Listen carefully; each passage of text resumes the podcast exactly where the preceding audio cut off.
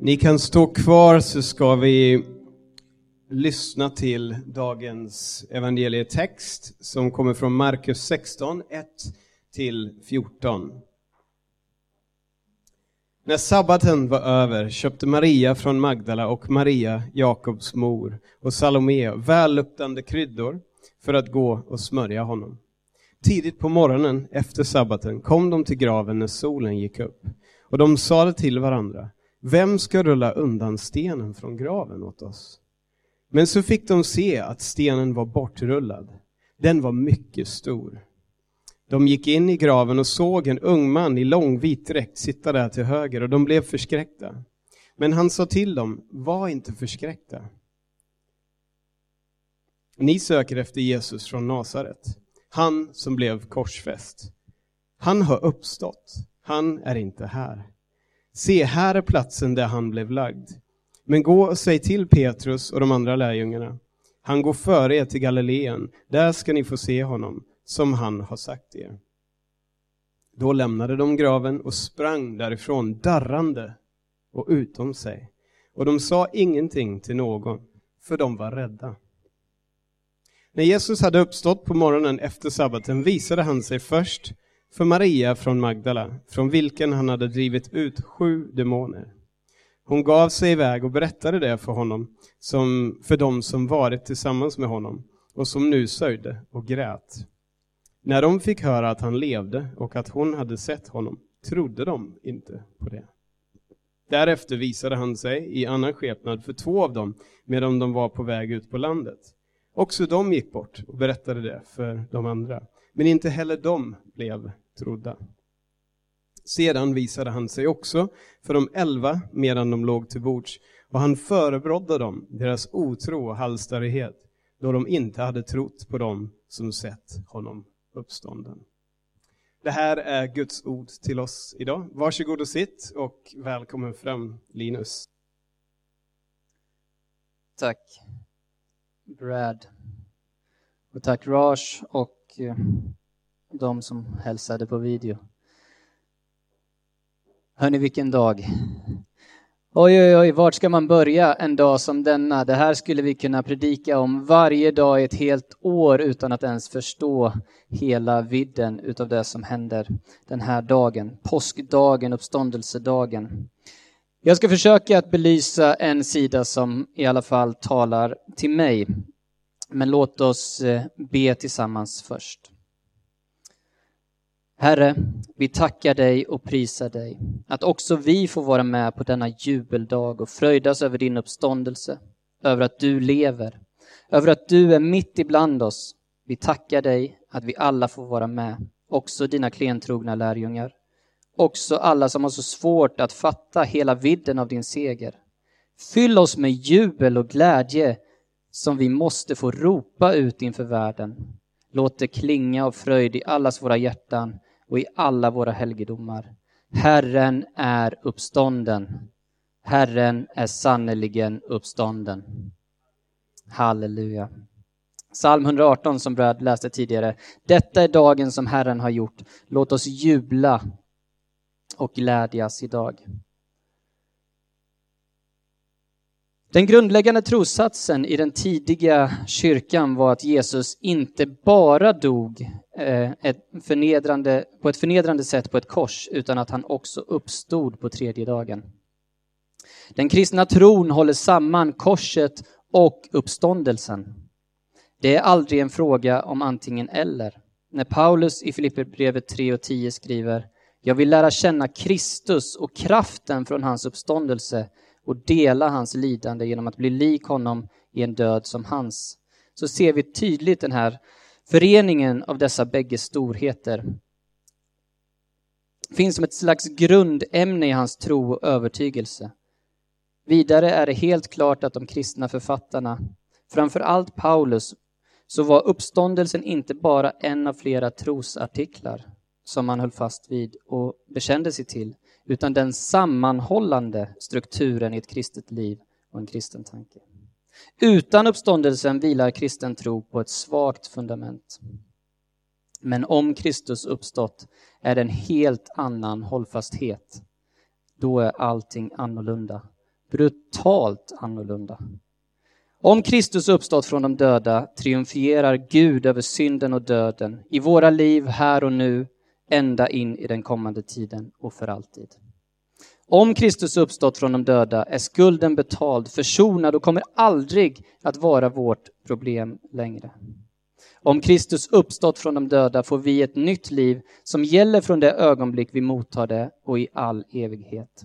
Ett liv som Bibeln betecknar som övernog, alltså utan jämförelse eller motstycke.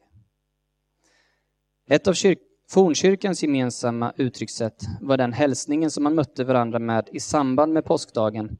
Det som Brad försökte sig på i början och som jag försökte mig på i, i bönen här. Man utbrast, Jesus är uppstånden. Ja, Jesus är sannerligen uppstånden. Och det signalerade den tro man hade och den övertygelse man levde i. Någon har sagt att skillnaden mellan tro och övertygelse är att en tro är något som du har. En övertygelse är någonting som har dig. Fornkyrkan formade tidigt en gudstjänst i glädjens tecken där man ville ge uttryck för den verkliga verklighet som påsken innebar. Något som var mer än en trosdeklaration, det var en livsdeklaration. I denna gudstjänst förekom det nästan alltid också dop som är det ultimata uttrycket för påskens budskap, att gå från liv eller från död till liv. Och så småningom så praktiserade man även i den medeltida kyrkan något som kallades för påskskrattet. Risus pascalis. När man läst påskevangeliet så brast församlingen ut i ett rungande skratt och högljudda rop. Och jag tänker mig att det lite är som en fotbollsmatch i dagens samhälle, när supportrarna är segervissa eh, och ivriga. För under påsk påskdagarna så alltså var skratt och skämt inte tillåtet i kyrkan under den här tiden. Men i påskpredikan däremot, där kunde prästen berätta alla möjliga skämtsamma, lustiga historier och skämta friskt med avsikt att få kyrkfolket att skratta efter den långa allvarsamma fastetiden. Ytterst så var detta påskskrattet ett sätt att ge uttryck för djävulens nederlag. Haha, där fick du Satan. Du vann inte fastän du trodde det.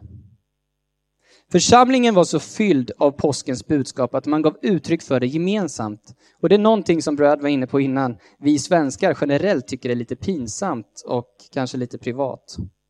Men skrattet är den kortaste vägen mellan två människor. Och som man brukar säga, ett gott skratt förlänger livet. Påskdagen var glädjens högtid nummer ett. Glädje är någonting vi behöver påminna oss om att leva i. Vi är så allvarstyngda och så nedtyngda utav tidens allvar, speciellt de här veckorna som ligger bakom oss.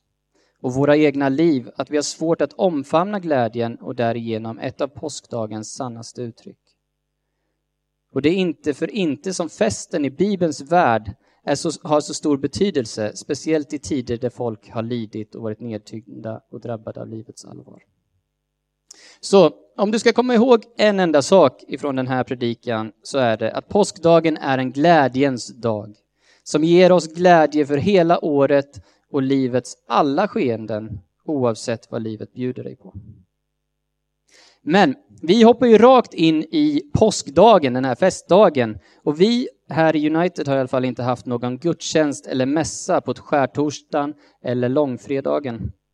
Men då korset och uppståndelsen är så djupt sammankopplade så tänker jag att jag börjar lite från början, lite kort, för att landa i denna glädjens dag.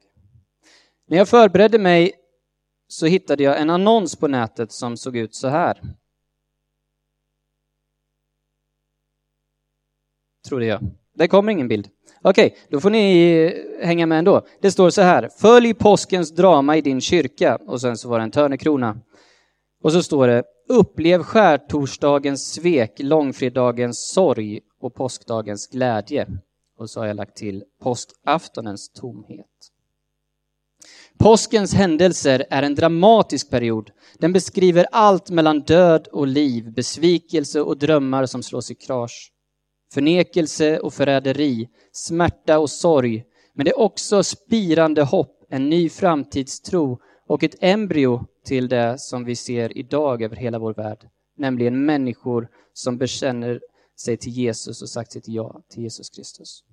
Mannen från Nasaret, denna enkla snickarson som var mer än det. Han var och är kungars kung och herrars herre. Man kan säga att påsken utgör stoff till ett drama i fyra akter. Den första akten, sveket, handlar om Jesus och lärjungarna strax innan själva korsfästelsen. Där står instiftandet av nattvarden, det nya förbundet i fokus och Getsemane. En enorm glädje med instiftandet av nattvarden som vi strax kommer att få fira tillsammans. Men ett enormt svek när Jesus avslöjar redan här att Judas ska förråda honom genom att säga han som får brödet som jag nu doppar och han doppade brödet och gav det till Judas. I Getsemane brottades Jesus med sitt beslut att följa Faderns vilja. Han, står i Markus 14, föll ner på marken och bad att få slippa denna stund om det var möjligt. En liten detalj som är enkel att missa här är sättet som han bad. De, det mest vanliga på den tiden var att be stående med händerna lyfta mot himmelen. I nöd och erkännande av egen synd så hände det att man kastade sig på jorden. Och Lukas beskriver att han föll på knä och Matteus säger att han kastade sig till marken och bad. Jag tror även att Jesus kände ett enormt svek av lärjungarna som inte förmådde att hålla sig vakna och be med honom. Och vem skulle inte gjort det när ens bästa vänner som varit med och förberett det största som världen varit med om sedan dess skapelse på upploppet, nej, då orkar de inte. Och bilden är solklar. Jesus brottades oerhört i Getsemane. Texten beskriver svett som blev till blod och kroppsspråket visade, att Jesus, eh, visade Jesus smärta, bävan och nöd. Den andra akten, sorg, handlar om själva förhöret hos Pilatus domen som kommer och korsfästelsen. Vi har i evangelierna en detaljerad beskrivning av händelseförloppet. Och vi kan med stor säkerhet säga hur de sista timmarna i Jesu liv var. Och detta skulle vi kunna lägga ut hur mycket som helst. Och det finns massa filmer, och jag, så jag kommer inte göra det. Men i Jesus uppfylls mer än 300 profetior uttalad av olika röster under en tidsrymd av över 500 år.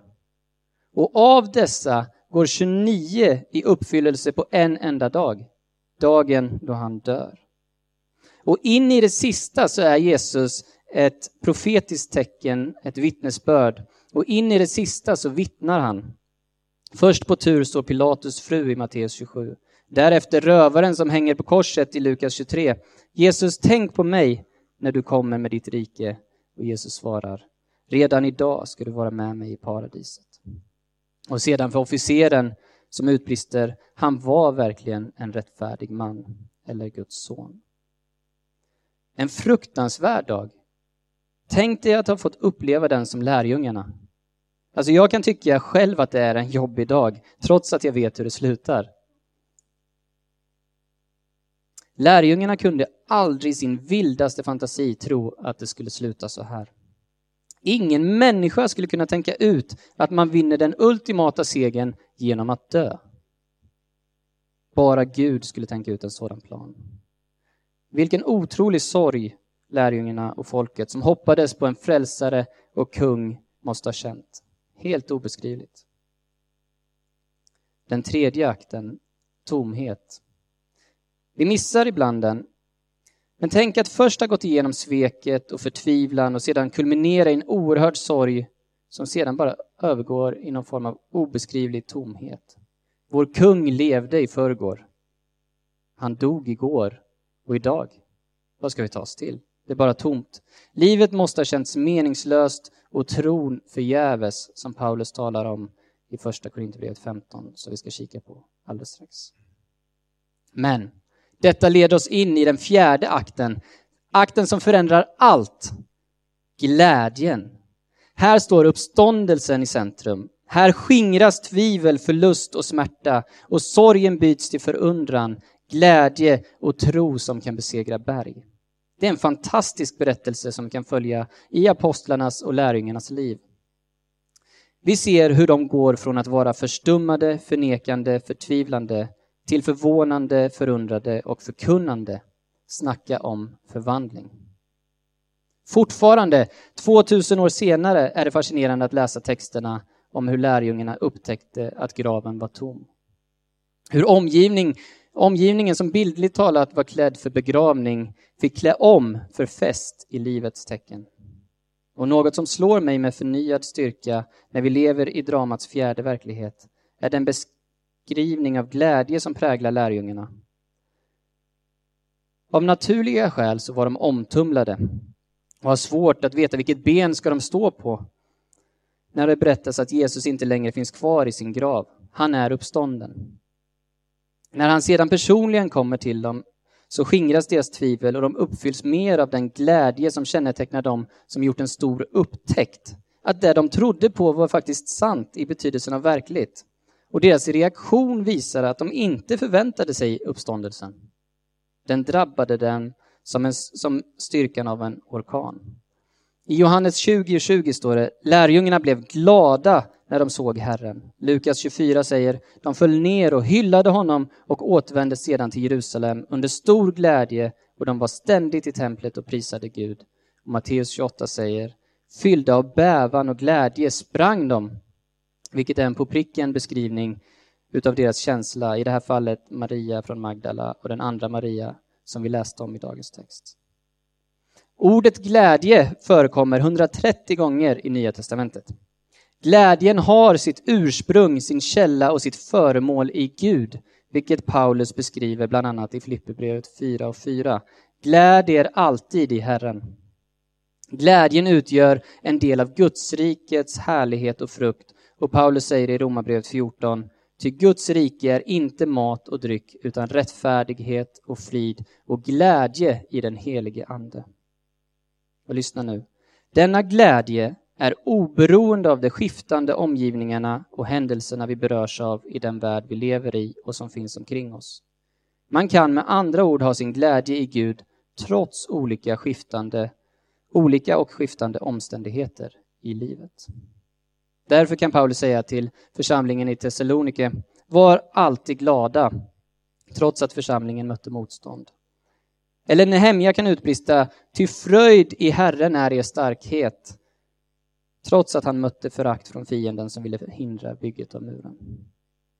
Påskens nederlag vänds till triumf och det kom att prägla församlingen och dess liv. Kristen tro handlar om att kunna glädja sig trots motstånd, förföljelse, fara och svårigheter. Glädjen finns i Gud och ges av Gud.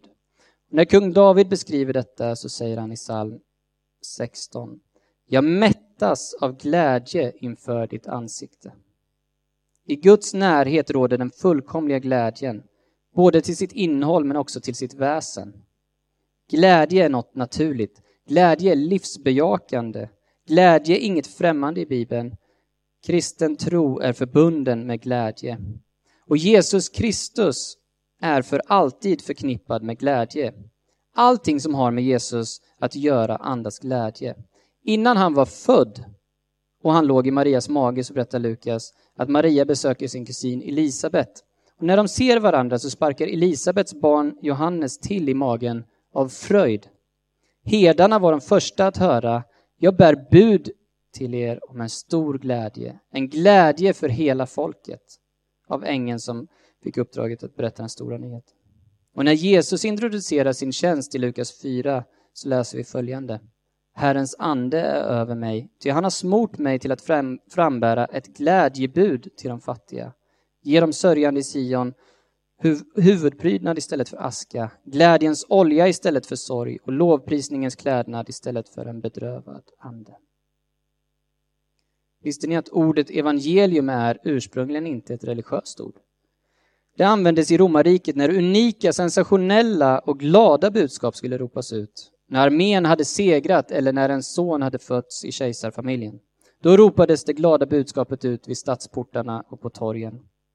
När evangelisten Markus skulle skriva ner berättelsen om Jesus tvekade han inte att använda detta starka ord, evangelium. Han skriver Här börjar evangeliet, glädjebudet om Jesus Kristus, Guds son.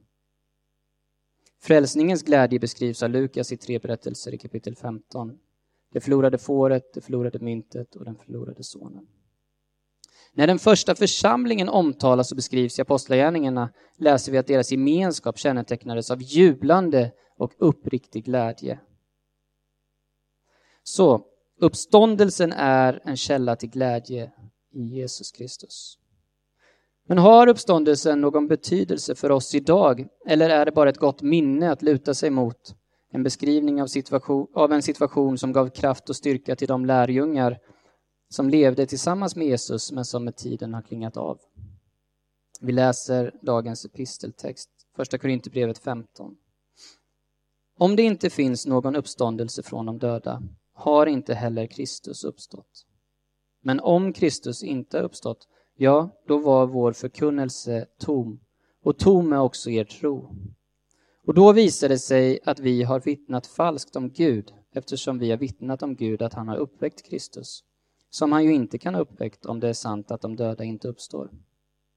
Ty om inga döda uppstår har heller inte Kristus uppstått.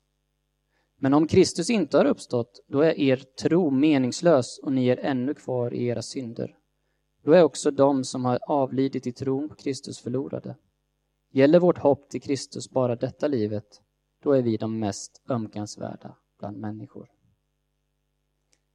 Vi ska titta på några konsekvenser och betydelsen av uppståndelsen.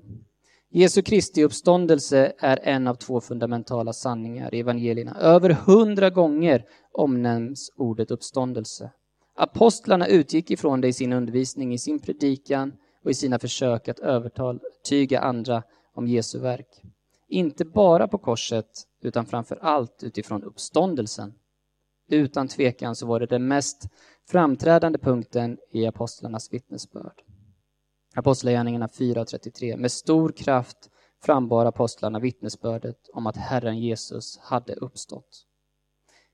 Idag predikar vi kanske mer om korsets evangelium medan apostlarna utan tvekan också predikade uppståndelsens evangelium, för de hörde det ihop. Utan uppståndelsen lever vi fortfarande kvar i vår synd. När Jesus Kristus dör på korset så gör han anspråk på att vara världens frälsare som sonar mänsklighetens synd och skuld. Han gör anspråk på att i honom får all synd sitt slut. Allt som mänskligheten från tidernas början till tidernas slut kommer att göra och leva utifrån som står i kontrast till Gud och hans verk har Jesus tagit på sig. Han har blivit vår ställföreträdare, säger Guds ord. Korsfästelsen förlorar sin betydelse utan uppståndelsen. Utan uppståndelsen var Kristi död endast en ädel martyrdöd. Men med uppståndelsen är den Guds sons försoningsdöd det saliga bytet. Uppståndelsen beskriver den totala förlåtelsen och upprättelsen. Den beskriver det nya livet som mottas som gåva, där allt är nytt och där vi beskrivs som nya skapelser. Andra Korinthierbrevet 5. Den som är i Kristus är alltså en ny skapelse. Det gamla är förbi, något nytt har kommit. Allt detta har sitt upphov i Gud som har försonat oss med sig genom Kristus. Att vara en ny skapelse för tankarna tillbaka till Edens lustgård. Vi är ställda i den oförstörbara relationen som ursprunget ställde oss i. Utan uppståndelsen är tron tom och meningslös och vi de mest ömkansvärda människor. Ordet tom och meningslös beskriver en tro utan kraft. Den saknar benägenhet att förändra liv eller livssituationer. När Paulus argumenterar om uppståndelsen så säger han att tron är tom eller förgäves utan uppståndelsen. Den saknar med andra ord giltighet. Det är inget att hålla sig till. Livet lutar mot luft. Det kommer att falla. Det är meningslöst eller utan värde. Det är ett ord som står för något resultatlöst. Det är som att jaga sin egen skugga, vinden eller skjuta mot stjärnorna. Det är förspilld tid och saknar innehåll. Ordet ömkansvärd förstås i ljuset av att de kristna frivilligt avstått från den tidens glädjeämnen och lever sitt liv utifrån sig själva utan ansvar mot någon högre makt och så har man inte heller sedan någon lycka utav det. Med uppståndelsen beskrivs ett liv i seger. Seger över detta livet, över den onde och till och med döden. Om Kristus har uppstått från de döda triumferar Gud över synden, skulden och döden, både i våra liv här och nu och det kommande. Om Kristus uppstått från de döda är skulden betald, försonad och kommer aldrig vara vårt problem längre. Om Kristus uppstått från de döda får vi ett nytt liv som gäller från det ögonblick vi mottar det och i all evighet. Ett liv i övernog, utan jämförelse eller motstycke, mer än normalt och mainstream, högre och mer än mer. När Paulus resonerar här i första Korinthierbrevet 15 utgår han från att Jesus har uppstått och konsekvenserna av det. Och han blandar även in de som har gått före. Det betyder att du och jag kan säga till människor som tror på Jesus, som lämnat livet före oss, att vi kommer ses igen. Tala om en trygghet, tala om triumf, tala om seger. Vilket hopp! Första Petrus 1. Välsignad är vår Herre Jesu Kristi Gud och Fader.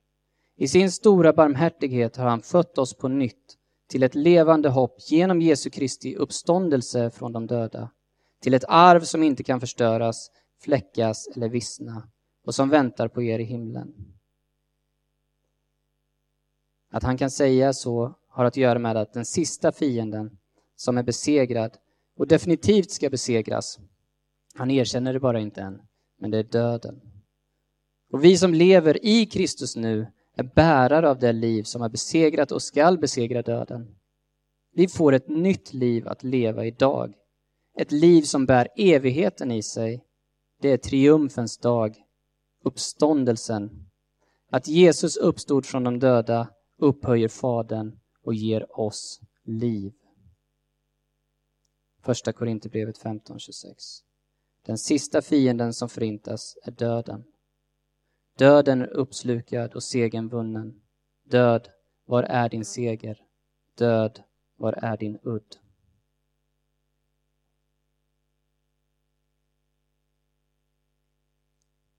Tack Jesus Kristus för denna glädjens segerdag, Herre. Tack Herre för att du fullbordade ditt lopp i mitt ställe. Tack för att du har övervunnit en överväldigande seger över synden och döden. Tack för att du har det eviga livet. Helige Ande, jag ber att du kommer och hjälper oss att leva i denna djupaste form av glädje som kommer från Fadern och som går djupare än livets alla omständigheter. Ge oss kraft att vara dina vittnen om att graven är tom, att du har gått från död till ditt underbara liv. Heligande, låt oss, låt oss få uppleva den här glädjen i uppståndelse, uppståndelsen varje dag. Det ber vi, Herre. Ära vare Fadern, Sonen och den helige Ande, nu och alltid i evigheters evighet. Amen.